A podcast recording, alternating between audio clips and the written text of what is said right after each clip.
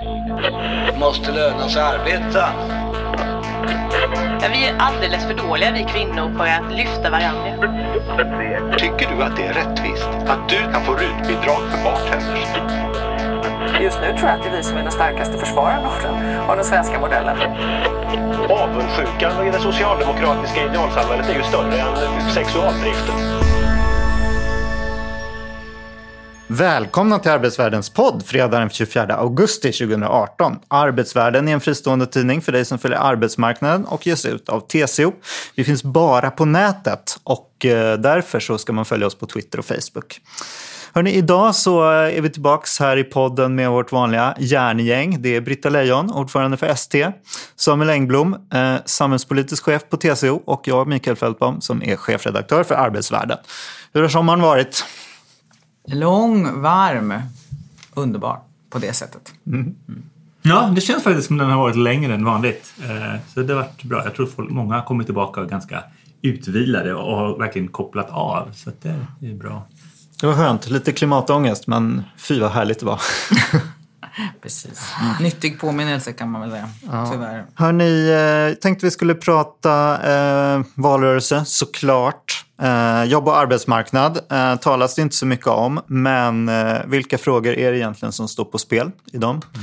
ämnena? Och sen så eh, tar vi lite större grepp. Eh, samhällsekonomi, bostäder, Eh, vi pratade lite om skatter i förra avsnittet så det kanske vi inte ska prata om så mycket nu. Men det är de här stora frågorna som har kommit en aning i skymundan. Men vad handlar egentligen valet om?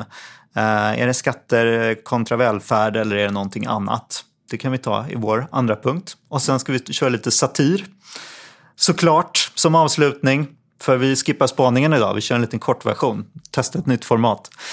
Bra, ehm, då sätter vi igång. Hörni, eh, ja, vad är det som gäller på arbetsmarknadens område i den här valrörelsen? Vad står på spel? Ja, jag skulle säga att det står ganska mycket på spel som det inte talas så mycket om. Mm. Uh, och om jag får börja så, men så ja, du, för, för, för oss som, alltså för mitt förbund så är det naturligtvis så att en, en av de riktigt stora arbetsplatserna som handskas med att stötta människor till jobb, Arbetsförmedlingen, den är ju en av alla de här viktiga pusselbitarna som som egentligen det borde pratas lite grann om. Eh, då blev jag lite glad, för i morse så när jag läste någon av morgontidningarna så var det ändå ett, från Kalmfors ett försvar för Arbetsförmedlingen, eh, och, eller framförallt kanske ett, eh, en, ett kritiskt inlägg mot alliansens, hela alliansen har ju gått samman och sagt att vinner de så, och får de regera så kommer de att eh, mer eller mindre lägga ner Arbetsförmedlingen. Inte helt, det är klart att det kommer finnas någon sorts myndighetsfunktion kvar men den blir väldigt, väldigt mycket, mycket mer begränsad än vad dagens Arbetsförmedling är.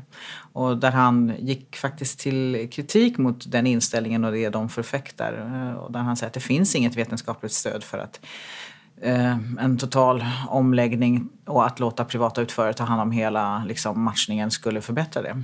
Det. Eh, det kan man, man, kan väl läsa mer i den här liberala tankesmedjan Fores rapport. Precis, Bra precis. initiativ. Ja, men det var, jag är mm. jätteglad för det, för hittills har det liksom bara varit mm. vi som har sagt att hallå, eh, det finns, alltså Sverige har, Sverige, svensk arbetsmarknad, svenska jobb har faktiskt tjänats väldigt bra av att vi har haft och har en nationellt sammanhållen arbetsmarknadspolitik.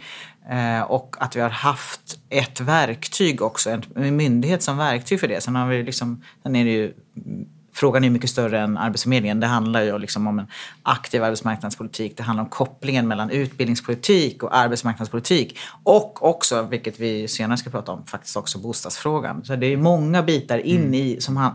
Men där, där faktiskt Arbetsförmedlingen och dess eh, liksom, funktion och möjligheter att hjälpa människor som står många gånger ganska långt från de jobb som finns.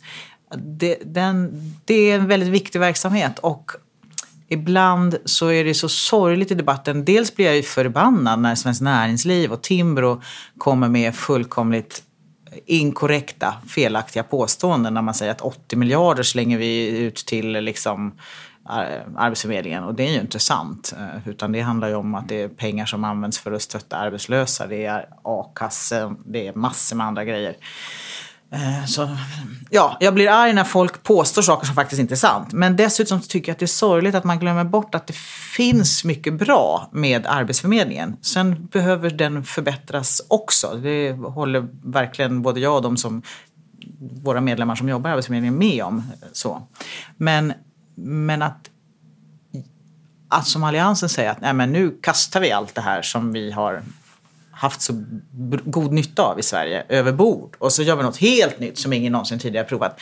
Ja, hur klokt är det liksom? Så att, ja, nej, men det finns ju massor med andra saker som, som rör jobben och som rör arbetsmarknaden som jag tycker är, borde diskuteras. Eh, och dit har ju samhällsekonomi och förutsättningar för en god tillväxt framöver. Där, där ja, den, det är lite konstigt att det är så tyst om den typen av frågor. Och vad vill Allians göra om man vill lägga ner Arbetsförmedlingen? Vad ska, vad ska man göra istället? För jag menar, vi har, vi har en jättebra situation på arbetsmarknaden just nu på ett sätt. Väldigt låg arbetslöshet. Eh, Eller väldigt, men låg arbetslöshet. Eh, Men den är väldigt problematisk därför att det är vissa grupper som har hög arbetslöshet. Och dit hör de som inte har gymnasiekompetens framför allt. Det är ju det stora. Och där finns många av de nyanlända. Eh, Så att det är ju en, en problematik som både har liksom Ja, som, måste, som vi måste göra någonting åt. Så är det naturligtvis. Och vad, vad vill man göra då, då? Om man inte vill ha en arbetsförmedling som hjälper till och inte ser en nationellt sammanhållen arbetsmarknadspolitik kopplad till utbildningspolitiken. Vad är lösningen då? då? Ja, men, den måste ju... Ja, den diskussionen är lite torftig, minst sagt. Ja, det kanske vi kommer in på i din Ja, eh, nej, men så här, jag- etableringsjobb eller introduktionsjobb och så Ja, nej, man kan säga så här, att arbetsmarknadspolitiken inte tar så mycket eh, plats i den här valrörelsen. Det kan ju ha flera förklaringar. En sak är att ja, men arbetsmarknaden går ganska bra och då är det typiskt så, eller den går väldigt bra. Det kom SCB-siffror igår som sa att sysselsättningen stiger eh, yt- liksom ytterligare eh, och eh, Bakom det ligger också fler arbetade timmar och där ligger fler fast anställda. Så det är inte bara det liksom att det har tillkommit... Sysselsättningen stiger inte för att det, människor får något påhugg här och var utan Nej. det är liksom riktiga jobb och det är så här. Så det ser positivt. Samtidigt så ligger arbetslösheten, den ligger still på 6 procent. Även i Finansdepartementets prognos som Magdalena Andersson presenterade här eh, häromdagen var det också, den planar liksom ut. Och det är ju en för Sverige historiskt sett hög nivå egentligen, 6 procent på arbetslösheten. Eh, Och man kan vara förvånad över att det inte ger mer diskussion. Men det är klart, den här allmänna, eh, att det går, allmänt att det går bra på arbetsmarknaden gör att det blir en mindre viktig fråga. Sen har vi pratat om tidigare om det här att då eh, arbetsmarknadsfrågorna nu plötsligt klumpas ihop med integrationsfrågorna. Ni har läst partiernas valmanifest och det är flera partier som liksom har jobb och integration som en rubrik. Eh, KD har det, eh, L har det. Det är också i det eh, gemensamma alliansutspelet som har gjort ett antal gemensamma, där hamnade arbetsmarknadsfrågorna under den som var ett integrationsutspel. Kan man säga. Eh, så. Eh, det finns ett problem med det eh, som också handlar om att, att eh, ja, det är nästan, alltså, tittar man på de arbetslösa så är det nästan lika många inrikesfödda som utrikesfödda. Och många av de här utrikesfödda har ju då varit i Sverige länge. Det vill säga det är inte ett integration, det är inte ett etableringsproblem. Så risken är ju att man då bara diskuterar en del av arbetslösheten. Eh, och kommer då den kommande lågkonjunkturen som kommer någon gång, då kommer arbetslösheten stiga även i andra grupper och då har vi inte så det. Eh, däremot om man, när man läser manifesten så kan man också sluta sig till att ett, en, alltså anledningen till att arbetsmarknadspolitiken inte får så mycket utrymme i valrörelsen, det är inte avsaknaden av konflikt i den frågan. Nej. Utan det, det finns klara konfliktytor och ganska klassiska konfliktytor.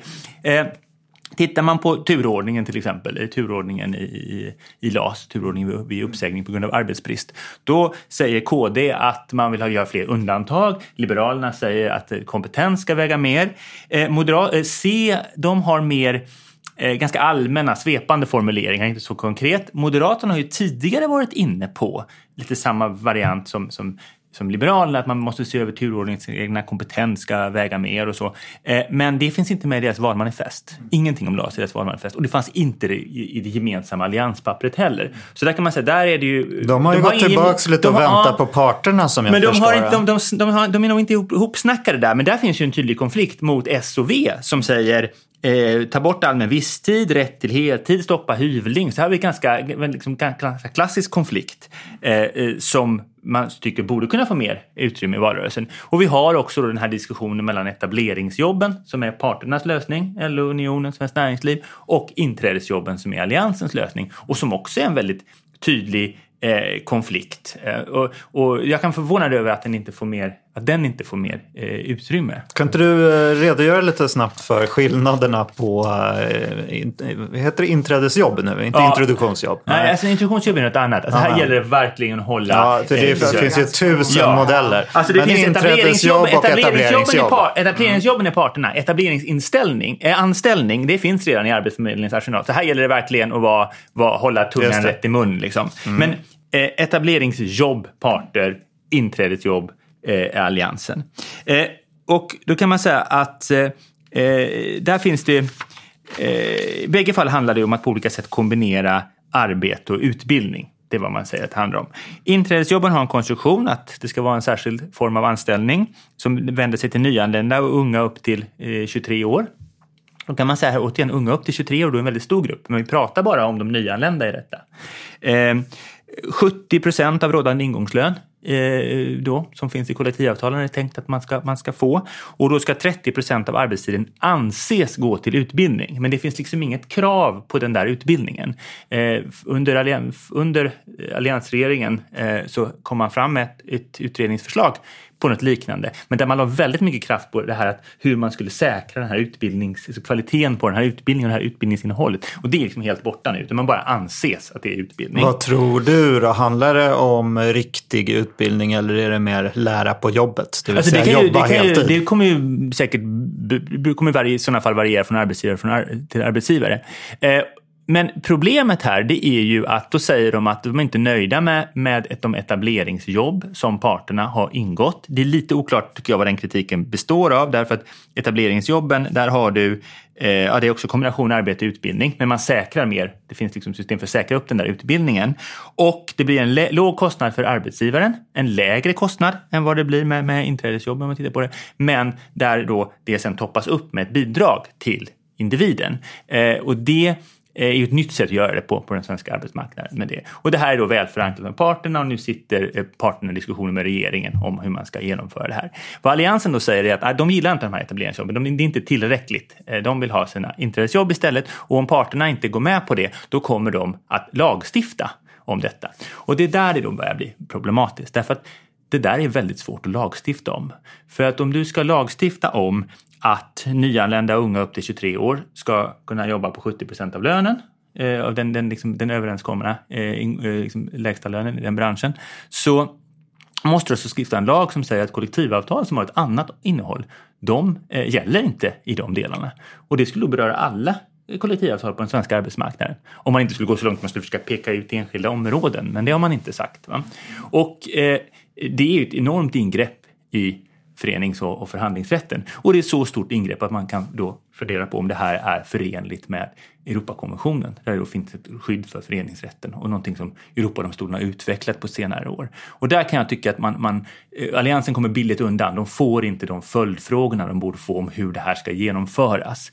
Dessutom så, så en del av eh, Jan Björklund sa häromdagen att, att han, en, en av hans kritik mot, eh, mot eh, eh etableringsjobben, alltså det som parterna har kommit överens om, det är att det inte gäller företag som saknar kollektivavtal. Ja, men vi kan ju inte, vi kan ju inte, kollektiv, vi kan inte ingå kollektivavtal för företag som inte har kollektivavtal. Eh, det är ju liksom en helt annan arbetsmarknadsmodell då. Då är det någon sorts allmängiltig förklaring som ska till stånd. Så att det här, det här är ju en jättekonflikt och också ganska problematiskt för det här är ju liksom Alliansens paradnummer. Så här ska vi greja integrationen på arbetsmarknaden och då är det ett förslag som, som inte går att genomföra. Jättebra att du lyfter fram det där. Eh, jag, får jag addera en annan sak som jag tycker är problematisk i, och som också handlar om ett angrepp på den svenska modellen som en del partier ägnar sig åt i den här valrörelsen och har gjort under våren också. Eh, vi har haft alldeles för många förslag som har duggat, politiska förslag om politiskt beslutade löner. Eh, det har, det har ju framförallt rört poliser där både Moderaterna och Sverigedemokraterna har sagt att poliserna ska ha x antal tusen kronor mer i lön. Eh, men det har också varit sådana förslag som rör delar av vården och socialförvaltning, alltså andra, andra områden också. Eh, och ibland har partierna uttryckt sig lite luddigt sådär. Men, men liksom ändå, det är alldeles för många förslag. Och det, jag förstår att de som för, alltså, alla håller väl med om att polisen måste ha ett fruktansvärt svårt och viktigt jobb. Så det är klart att de behöver ha bättre betalt. Det är inte det som grejen är. Utan bara det att man kommer och säger att vi ska se till att x antal mer kronor kommer till den här yrkesgruppen oavsett vilken det är. Det är ett jättebekymmer därför att om vi som fackföreningsrörelse accepterar det, om väljarna accepterar det, då kommer vi snart också ha politiskt beslutade sänkningar av lönerna. Alltså, det är ett brott mot vad som är den svenska modellen. Och jag vet att vi har haft eh, det här när det gäller lärarnas löner och sådär. Men det är inte bra. Alltså, eh, detta är bekymmersamt och det är alldeles för många. Det är liksom inte bara ett parti, det är inte bara en gång. Det har hänt åt flera gånger under hela den här valrörelsen och jag tycker det är ett jättebekymmer. Eh, vi har all anledning att slåss för åtskillnaden mellan politik och parter. Och det är parterna som sköter lönebildningen och det ska inte politikerna lägga sig i. Jag tycker att detta är ett bekymmer. Vad blir den konkreta skillnaden för staten, arbetsgivarna och arbetstagarna med de här olika förslagen? Man kan väl säga så att ett, inträdesjobben är ju lättare att missbruka. Alltså en arbetsgivare skulle kunna ta in någon på den här 70 procent av lönen och så skulle de kunna inte erbjuda så mycket mer utbildning eller, eller alltså, man, kan, man skulle kunna lära, liksom, nöja sig med att man får lära sig arbetet på det viset som man alltid gör när man startar ett jobb. Och då har du i praktiken sänkt lönerna. Det är ju det som, det som händer. Och det den, man ska säga att det som arbetstagaren får hem med det förslaget blir mindre än vad det blir med parternas förslag. Där blir det mer hem, fast det kommer då på ett lite annorlunda sätt. Arbetsgivaren betalar en ganska liten summa och sen kommer det en del från, från staten. Så, men liksom det som eh, arbetstagaren får ut i slutändan, det du har på kontot, det, det, det, det blir mer. Det är en sån skillnad. Eh, och det här, precis som jag sa, man kan då försöka säkra upp själva Eh, utbildningsinnehållet. Det kan man ju då göra i, i den här partslösningen. Eh, eh partslösningen är också tänkt att det ska gå det ska vara två år, eh, upp till två år och, det ska gå, tank, och ambitionen ska vara att det här ska gå över en tillsvidareanställning. Några sådana saker finns ju inte i, i eh, inträdesjobbsförslaget. Men sen är det den här fundamentala skillnaden att inträdesjobbsförslaget skulle alltså innebära ett enormt ingrepp i förenings och förhandlingsrätten. Det skulle innebära att även TCO-förbund som har ingått avtal eh, som har innehåller då en, en, en, en lägstalön och vi har ofta ganska låga lägstalöner i våra avtal därför att eftersom de inte används så mycket så lägger man inte krut på att höja dem. Utan man lägger om ens har sånt. Om ens har sånt. Va? Då skulle det innebära att, att, att skulle det komma en person som är nyanländ eller under 23 eh, och börja jobba på det här avtalsområdet då skulle man alltså kunna, då skulle det finnas en lag som säger att den här personen får inte ha mer än 70 procent av lön. Eh, så det, det där är, det är ett enormt ingrepp. Och jag, jag, jag är förvånad över att man framhärdat med det här förslaget eh, så som man har gjort eftersom det, det, det Eh, är så, så svårt att genomföra och, och som sagt stora tvivel om det här överhuvudtaget går med tanke på Europakonventionen. Ja, men då har vi lite koll på grundproblemen där, eller grundskillnaderna eh, och själva konflikten. Att arbetstagarna eh, påverkas ju förstås. Antingen får man lägsta avtalad lön eller så får man bara 70 procent. Staten får stå för en större del när det kommer till parternas förslag. Och arbetsgivarna kommer ganska lika ut i båda de här förslagen. Eller? Det där är ju ja, jag har inte räknat exakt på vad kostnaden skulle bli. Ja, Mm. det är krångliga beräkningar det är. Och det beror på också vilka andra stöd som utgår och sånt här. Mm. Ja, men fint. Ska vi gå över till vår fråga nummer två. Vad handlar valet om egentligen och vad borde det handla om? Vilka är de stora frågorna för Sverige? Ja, när, du ställer, när du skrev att du tyckte vi skulle prata om det så, så ledde det till en massa funderingar i mitt huvud. Ja, vad handlar det egentligen om? För du ställde frågan, handlar det om välfärd?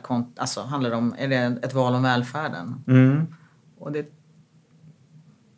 är ju... en- Det kan man ju säga på ett sätt, på ett ytligt plan kanske. Men jag tycker nog inte egentligen det heller. Jag tycker förra valet var ett val om välfärden. Ja, det, jag det tog det för det är väl det tydligaste påst Det är Socialdemokraterna som påstår att det är det valet handlar om. Absolut. Det är, liksom, Och det är är, det någon annan som påstår att valet handlar om någonting särskilt Val i Sverige egentligen? brukar ju handla om det och brukar handla om ekonomisk politik och om, om jobbpolitiken. Liksom. Men, och det är klart att det, gör- det gör det nu Ja. också. Jag, vill inte, jag, jag menar verkligen inte att höger-vänsterskalan är, är föråldrad. Den finns definitivt med i väldigt hög grad. Eh, men det här valet handlar inte bara om det. Det utan om. Eh, om man har... Ja, alltså, det är svårt att säga det med någon enda klatschig liksom one-liners. Men tillit eller inte tillit, framtidstro eller inte framtidstro på något sätt. Alltså på något sätt så... Många påstår ju, och nu har ju till och med SVT börjat avkräva partiledarna någon form av positionsbestämning av deras parti i förhållande både till höger-vänster-skalan och till den här nya skalan mellan av hur vi nu ska beskriva den, och öppenhet och, vad ja, eller vad vi ska, den som kallas galtan och som är svår att förstå sig på. Men och de, det finns väl någonting där i liksom. Men jag, men jag känner, så, jag känner att ehm, på något sätt är det som, många säger att det här valet handlar om värderingar också. Och jag, det handlar väl för lite om värderingar skulle jag vilja säga. För handlade det mer om värderingar då skulle inte diskussionen se ut som den gör. Då skulle vi inte ha så höga siffror för, men då skulle inte ännu mer få gå på våra gator. Alltså så här, flummigt. Men alltså, vi, har, vi lever i en tid av konflikter. Vi lever i en tid då mycket av det som har gällt tidigare i Sverige och i världspolitiken, i de ekonomiska förutsättningarna, i politiken ritas om. Alltså, de stora maktcentra i världen förändras. USAs makt minskar, eh, Kinas växer. Vi lever i en tid av stora konflikter och stora förändringar därför att teknikutvecklingen ger oss helt nya förutsättningar. Vi är ett skifte som nästan är lika stort som när tryckerikonsten kom och Gutenbergs tryckerikonst liksom förändrade informationsspridningen. Vi har en kommunikationsteknik som förändrar sättet vi kommunicerar på och som förändrar produktionsmönster och som gör att gamla jobb föråldras väldigt snabbt och nya växer till. Och kompetensen hos människorna alltså det ställer så snabba förändringskrav på jobben och på människors förmåga att ställa om och ny kunskap och sådär. Så att vi lever i en tid av stora förändringar. Och då är det det som vi som jobbar fackligt alltid har vetat, att när människor blir oroliga för, har jag någon plats i framtiden? Har jag, kommer jag, kommer mina barn att klara sig? Kommer vår kunskap räcka till? Vad, vad, alltså, har vi någon anledning att känna framtidstro? Vi vet ju att det är en grogrund för, eh, för främlingsfientlighet, för populism, för rädsla, för liksom inåtvändhet. Så har det alltid varit. Och nu adderas det där på något sätt med, med också att vi har eh, Alltså den här gamla vanliga, de gamla vanliga sanningarna adderas med några ny, nya aspekter som, som, också, som jag inte riktigt kan sätta fingret på men, men som jag tror hänger ihop med att ojämlikheten ökar väldigt mycket. Och att det finns en sorts eh, att risk för att liksom samhällskontraktet och kontraktet av tillit människor emellan också i Sverige på ett sätt som vi inte har sett på väldigt länge har, riskerar att gå sönder. Och där tror jag att där, där tror jag att det liksom, den här valrörelsen eh, någonstans har en botten och klangbotten och vi borde prata väldigt mycket mer om det. Och jag saknar eh, från partierna en, en, att man pratar om det, att man har någon framtidstro och ger människor anledning att känna hopp och liksom tro på att ja, jag och mina barn kommer att ha en plats även om jag inte tillhör de här Liksom, de, som har en, de här som i Gallotan-skalan kallas för de som hör, känner sig hemma var som helst. Liksom. Även om jag inte är en sån, så även om jag liksom alltid har bott här och alltid har jobbat på bruket eller vad jag nu har jobbat. Även jag kommer att ha en plats i framtiden. Alltså ja, detta var väldigt eh, luddigt. Men alltså, höger-vänster-skalan har definitivt inte spelat ut sin roll. Men vi har, vi, ja, vi har eh, gamla traditionella klassiska sanningar som idag också förenas med att Sverige förändras och ojämlikheten växer och det påverkar på ett sätt som vi borde se och diskutera mer. tror Ja, jag. Samuel. Jo, nej men jag tror en sak man kan konstatera. Det här är ju inte ett val eh, där, där liksom två system står mot varandra. Vi har haft sådana systemskiftesval. Att det har varit så här, okej, okay, no, no, no, något eller några partier ställer sig och säger okej, okay, vi vill ha en liksom, annan ordning. Vi vill ändra på det här och det här och det här. Och nu får ni väljarna välja mellan detta. Vi har haft ett antal sådana ganska tydliga val om vi går tillbaka ett, eh, de senaste decennierna. Och det har vi ju inte idag. Eh, ska man läsa valmanifesten utan att ha följt eh, media om man satt i en stuga eller på en annan planet eller någonting sånt här, eh, så skulle man nog tro att det här var valet handlade om arbetsmarknadspolitik, om välfärdens eh, organisering, om skatter, fast nästan alla säger att de vill ha en skattereform, vilket är bra, så finns det ändå skillnader i skatter. Liksom, om vi spelar. Så där, där finns ju konflikterna. Men följer du media så handlar det väldigt mycket om lag och ordning och det handlar om migration. Men det är områden där skillnaderna mellan nästan alla partierna är väldigt små. Alltså det är inte så att vi har, eh, det är inte så att vi har liksom två olika visioner av kriminalpolitik som står mot varandra. Tvärtom, vi har en, liksom en, en, en, man konkurrerar om samma, man, vem, vem, Vem kan vara hårdast? Ja, liksom det finns en sån. Och vem kan, ja, ja, så, så det har vi. Absolut. Och migrationspolitiken, där är det ju så här att där finns det ju en, det finns stora skillnader i tonläge tycker jag mellan partierna. Men det är ganska uppenbart att, att och Annie Lööf var inne på det här häromdagen, alltså att, att alltså S eh, eh, S och allianspartierna skulle nog sannolikt klara av att ingå en migrationsöverenskommelse. De, där står inte två eh, eh, liksom radikala, radikalt olika visioner mot varandra. I- är politik som man driver nu. Ja, liksom. Ja precis. Sen, en ja, sen, precis. Och sen finns det, och sen man och inte heller Vänsterpartiet om vi tittar på närmaste åren. Så. Sen är det väl så att det finns både man säger, V, C och element inom de andra partierna som kanske tänker sig, alltså de här som, som har nog känt att den här åtstramningen på senare år, härtill är vi nödda och tvungna. Eh, Medan det nog finns andra som känner att, ja men liksom äntligen. Eh, och där finns ju helt klart en spänning. Men skulle vi se praktisk politik de närmaste åren så tror jag att där finns liksom inga heller några jättekonflikter. Men ändå är det här som, som, som media spelar upp som att det här som valrörelsen handlar om. Även om det inte får så stor betydelse. Eh, sen Galtan, jag är, jag är, alltså jag tror att det finns något väldigt farligt i att att på något sätt reducera den politiska debatten till en fyrfältare med höger, vänster och Galtan. Va? Därför att man riskerar att, att eh, de här Galtan-diskussionerna riskerar att legitimera åsikter som ligger utanför det som hör hemma i ett demokratiskt samhälle. Eh, eh, liksom, jag tror vi måste se upp så att vi inte förmorar, förlorar liksom förmågan att skilja på politiska motståndare. Vilka politiska motståndare? Jo, men det är de som vill ha, eh, de som vill ha en annan skattesats, en annan straffskala, en annan mix av privat och offentligt i välfärden. Va? Och demokratins fiender. Och demokratins fiender, där har vi de som ifrågasätter alla människors lika värde, eh, explicit eller implicit. Vi har de som, som undergräver, rätt, undergräver rättsstaten på olika sätt. Vi har de som gör det svårt för fria medier eh, att, att verka eller, eller liksom misstänkliggör dessa. Man kan göra det här på olika sätt. Man kan göra det lagligt eller man kan göra det, liksom, man kan göra det genom rättsliga medel eller man kan göra det genom misstänkliggörande. Eh, och, eh, och där ser vi till exempel Polen och Ungern situationen där. Och man får vara försiktig med att beskriva det som ja, men de har bara gått lite längre åt, åt, åt tann. Va? Nej, eh, jag tror att den, den demokratiska vänstern och den demokratiska högern lärde sig det här under efterkrigstiden så småningom. Att förstå att ja, ja, det finns en del som kanske, kanske har samma, använder samma värdeord och en del samma attribut som, som gör, men det finns gränser. va? Och det här är jag rädd nu på Galtan, att ju mer vi då flyttar, liksom, ju mer man, man eh, att, att när fler politiker och fler partier rör sig eh, på den skalan så finns det en risk att då flyttar man den här gränsen på vad som är, det blir mer och mer otydligt var... Jag har inte tänkt på att, det att den liksom, skalan kunde hjälpa till att, Ja. att, att sudda ut begreppen så som du...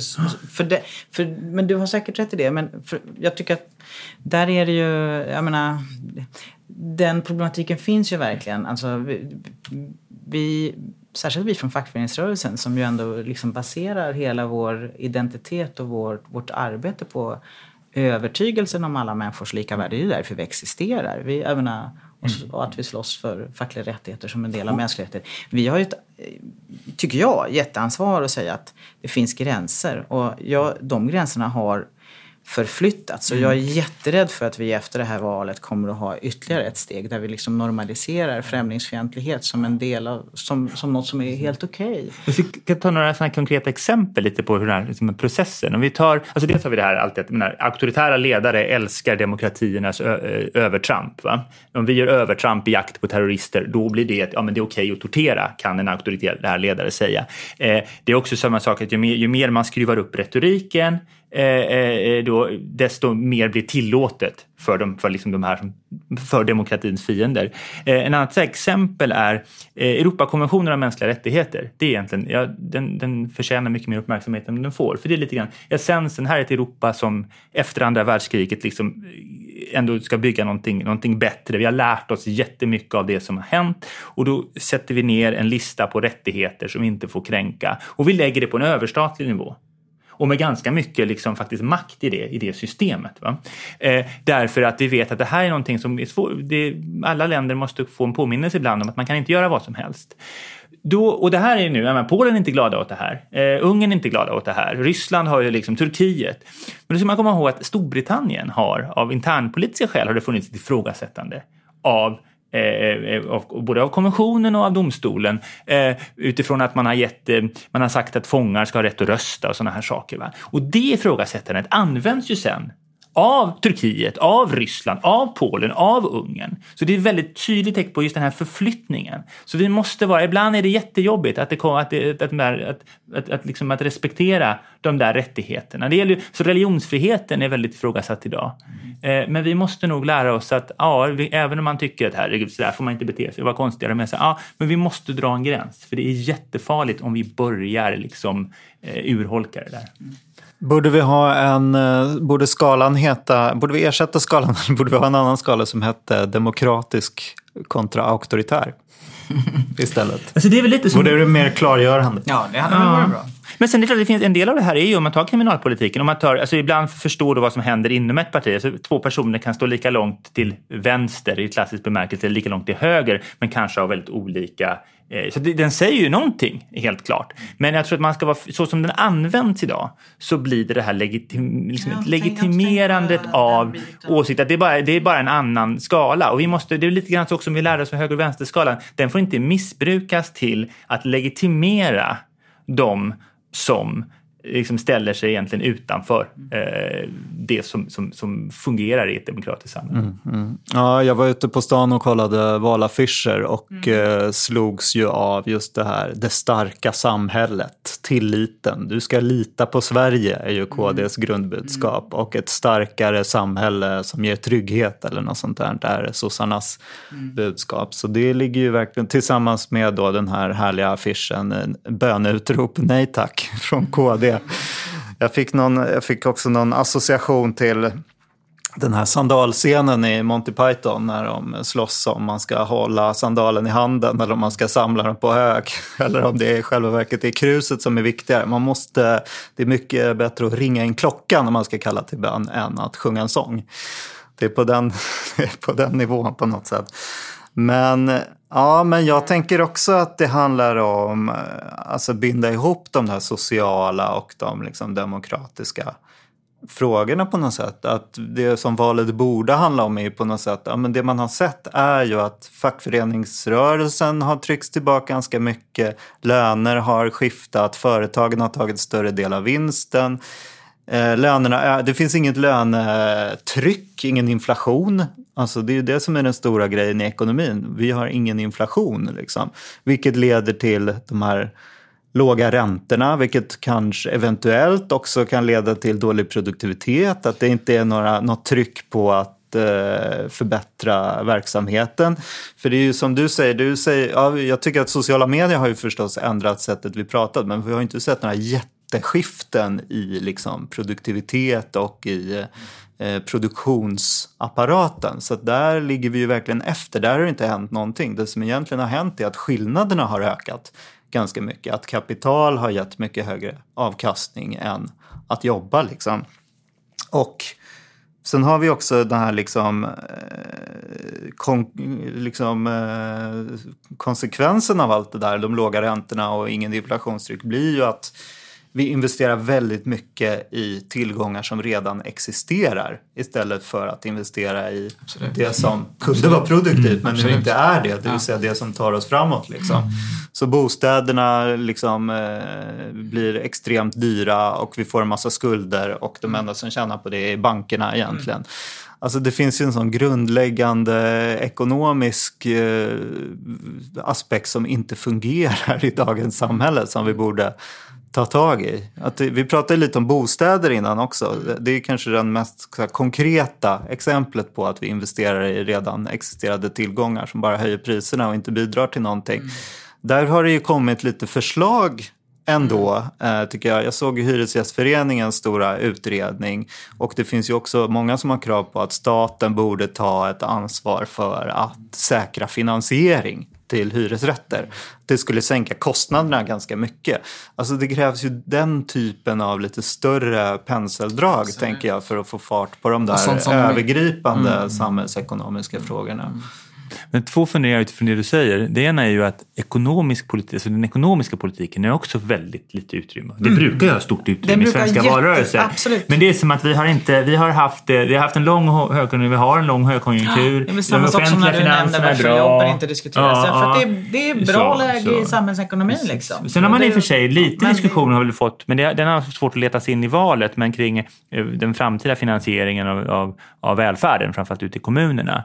Det är ju sånt. Men sen bostadsfrågan, alltså jag, jag tror att vi har pratat om det någon gång tidigare, vi har ju mätt vad som är viktiga frågor för TCO-förbundets medlemmar. Och då kommer ju bostad få ju väldigt, det är väldigt få som ser det som en av de viktigaste politiska frågorna.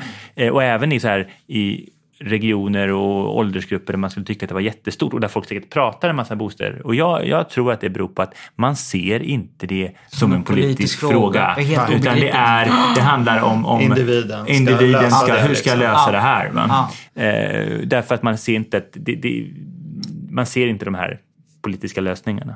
Och där är partierna så fega. Det är ingen som vågar säga att vi borde göra vissa grejer för att få till stånd en bättre ordning här. Som till exempel börja trappa ner ränteavdragen och andra grejer. Så, men det är ingen som, och även om alla vet att det borde vi göra eh, och kanske återföra fastighetsskatten egentligen och sådär. Liksom, det är ingen som säger det fast man vet att det egentligen är för det, man är rädd att man ska Det kom någon utredning senast igår som Peter Eriksson aldrig ville presentera.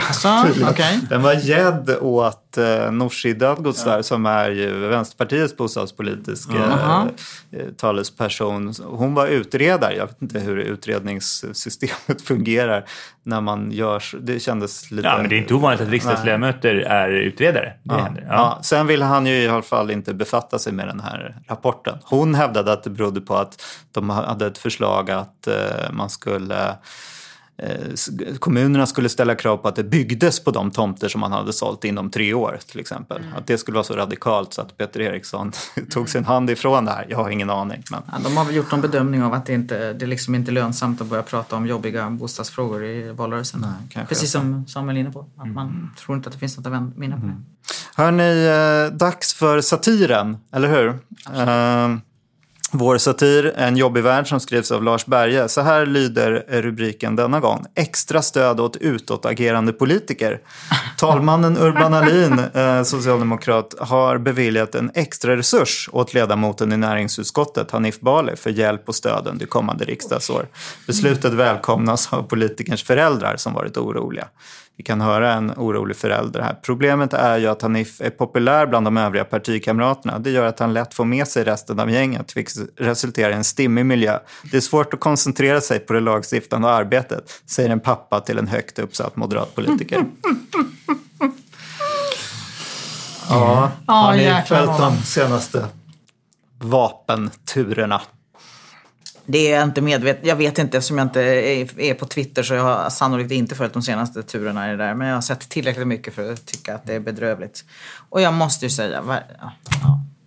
Ulf Kristersson, jag tycker så mycket om det där att prata, eh, att prata i en liksom, vuxenton eller hur man ska säga, på ett sätt som är konstruktivt och respektfullt. Men då måste man också sätta ner foten när det faktiskt inte är så. Om han menar allvar. Och han har inte satt ner foten här. Det förstår jag inte. Nej, jag är lite som, jag har också kopplat bort en del av de här sakerna, framförallt under sommaren. Sociala, just, Ja, gudskelov. Ja, eh, och jag tror det kan vara bra just att f- kunna fokusera på, okay, men vad är de verkliga frågorna? Det här att inte tappa bort sig. Mm. Men det här är ju, jag menar, det vi har pratat om tidigare, det är ett problem i samhällsdebatten, att man gärna Eh, det, man, man, man gör... Eh, det tycks som att det finns ganska mycket, fler, flera riksdagsledamöter, men ibland ganska dåligt omdöme, eh, som, som gör saker som man tycker är roliga. Men det är klart, när du som riksdagsledamot gör det så legitimerar det andra att göra värre grejer. Eh, och då, då måste, det måste man, och det måste partierna ta tag i. Alltså partierna har någon sorts... Jag har sagt det tidigare, här, ett parti måste stå för någonting. Och i att stå för någonting så handlar det också om hur, hur beter sig våra företrädare? Vad är det för signaler de skickar? Och det har man som partiledning någon form av ansvar eh, för. Ja, och det är klart att alla kan göra ett misstag en gång eh, och göra en liksom, dumhet någon gång. Men att åter, åter och återigen kliva över gränsen för vad som är liksom, ett eh, normalt anständigt samtalsklimat och ton. Det är, det är inte okej. Nej, jag slås lite av den här naiviteten att man fortfarande försvarar det som skämt.